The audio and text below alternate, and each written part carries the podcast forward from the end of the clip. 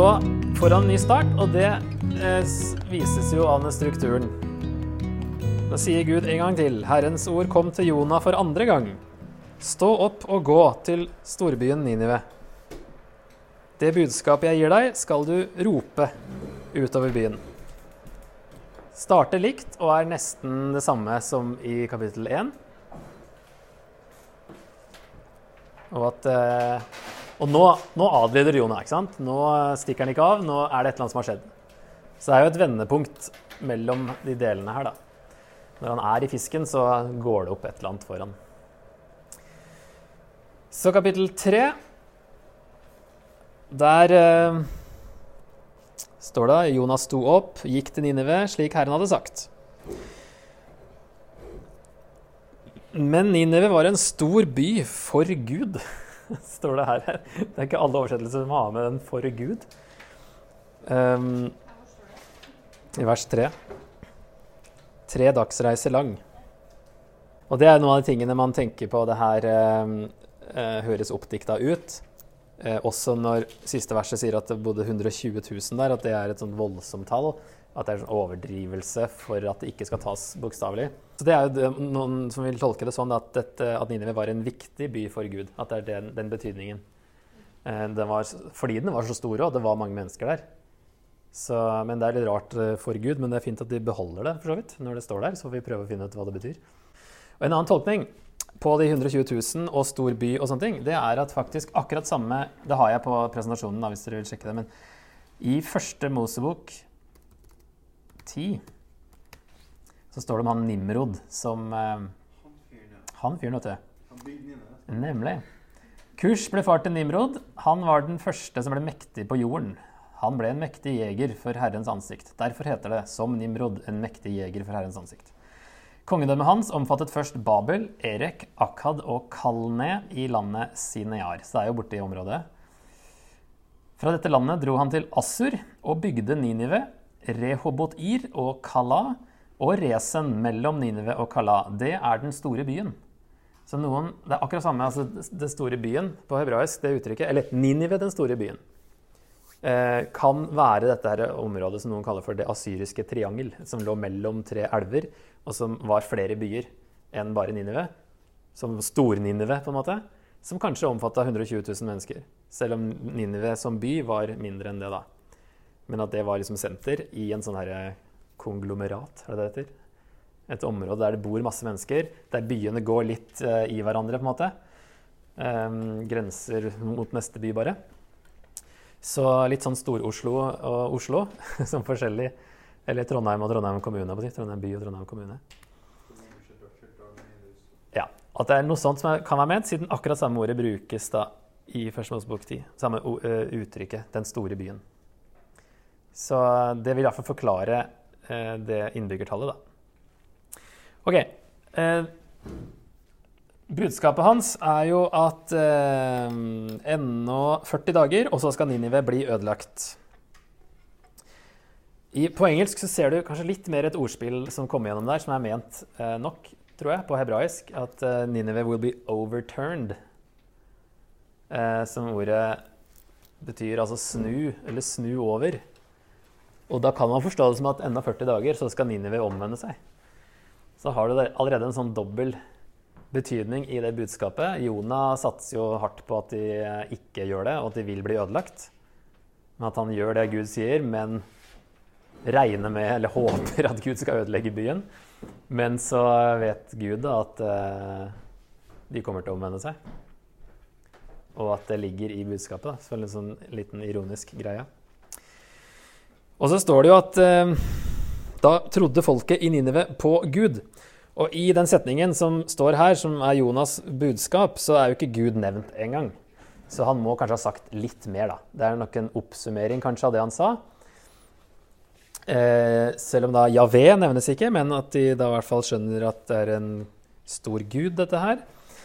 Eh, og i Lukas 11, den parallellen til Jonategnet når Jesus snakker om det, så sier Jesus at denne slekten er en ond slekt. Den krever tegn, men den skal ikke få noe annet tegn enn Jonategnet. For slik Jonah ble et tegn for innbyggerne i Ninive, slik skal menneskesønnen bli det for denne slekten. Så Jonah ble et tegn, og Jonategnet er at han var i fisken. Og hvis han da ble et tegn for Ninive, så kan det tyde på at han snakka om den opplevelsen også. Så tegnet var at han var tre dager i fisken. Trolig snakket han om det også, om at Gud er nådig og redder fra død og ødeleggelse. Det er ikke nok å bare komme og si at om 40 dager så blir alt ødelagt. Ja, hva skal vi gjøre med det, da? Han må jo fortelle noe om en løsning. Og da vil jo naturlig å trekke inn det som akkurat har skjedd med han.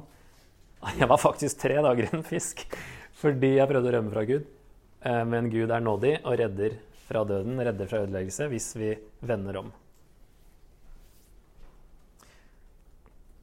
Så de hørte Jonah og kom til tro på Gud. De skjønte liksom hva poenget var. Guds ord kommer ut, så kommer folk til tro. Man har også tenkt det her med at uh, dyrene er med på fasten. At det er liksom uh, tegn på at dette er oppdikta. Men uh, det var faktisk en persisk praksis. Og da er det i så fall en del av dateringa til å datere det i den persiske perioden. Da. At han som skriver det, sitter i, i, når Persia er stormakt, og på en måte tilbakefører sånne praksiser som om asyrerne også hadde det. Men det er jo fullt mulig at de òg hadde det, hvis perserne hadde det. Bare at vi har ikke noen beviser på det ennå. Men det er jo da et lite sånn argument som Det betyr ikke at det er ment som oppdikta, selv om det står, fordi perserne gjorde faktisk det. Gud så hva de gjorde, siste verset, og de vendte om fra sin onde vei. Da angret Gud på det onde han hadde sagt at han ville gjøre mot dem, og han gjorde det ikke. Det betyr jo ikke at han ombestemmer seg og innser at han hadde tenkt feil om disse her, men at han har oppnådd det han ønska, og da endrer plan, er jo det bibelske uttrykk. Når det står at Gud angrer fra det onde, så er det da at han ikke sender den ulykken likevel. Kapittel fire der er det noen kontraster, da. Først så har du sant, det her med at Gud eh, angrer på det onde. Men dette mislikte Jonas sterkt, og han ble sint.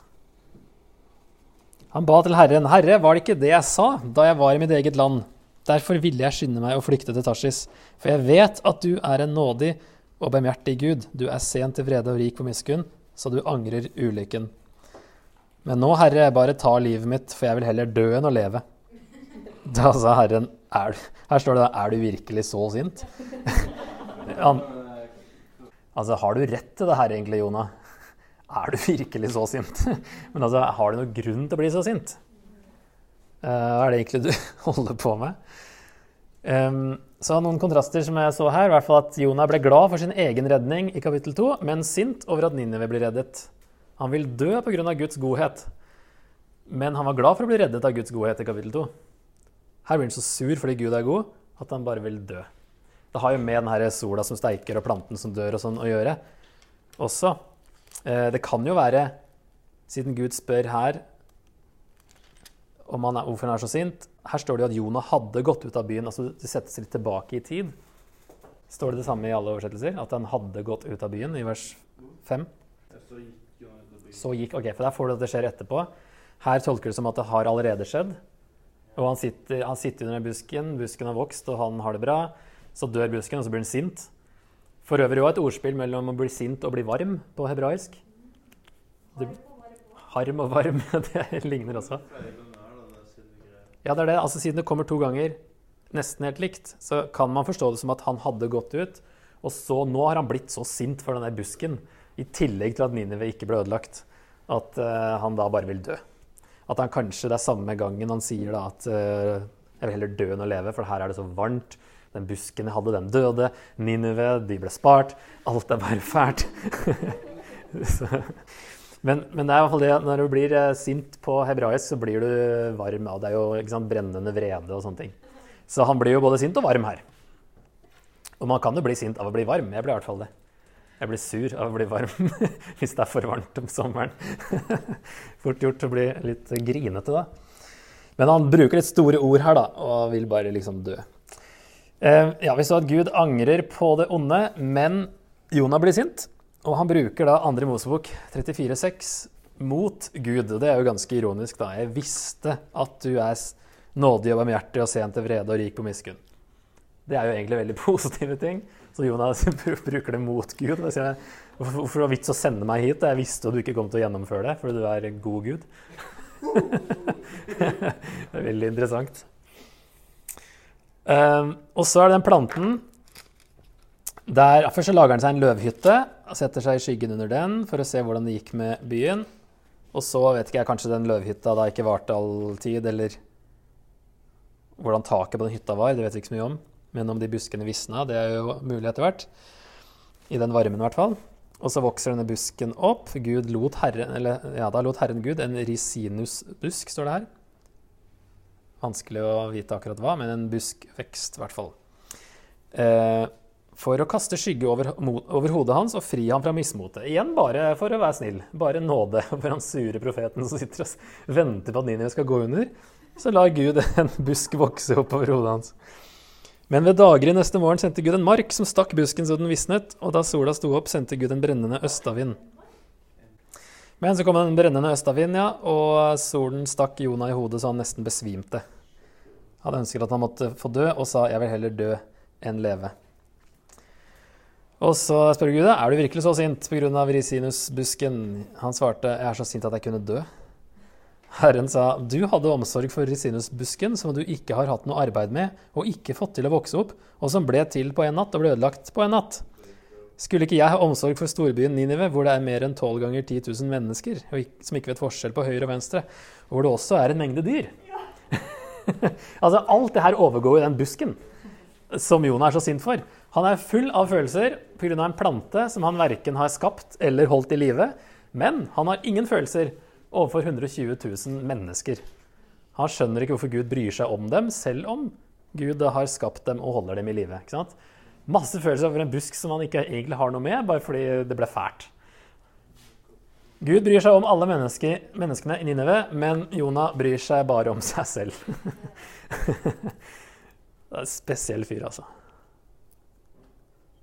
Og det må ha vært ganske sånn uh, ydmykende å skrive denne historien hvis han, uansett om han skrev den eller fortalte den videre.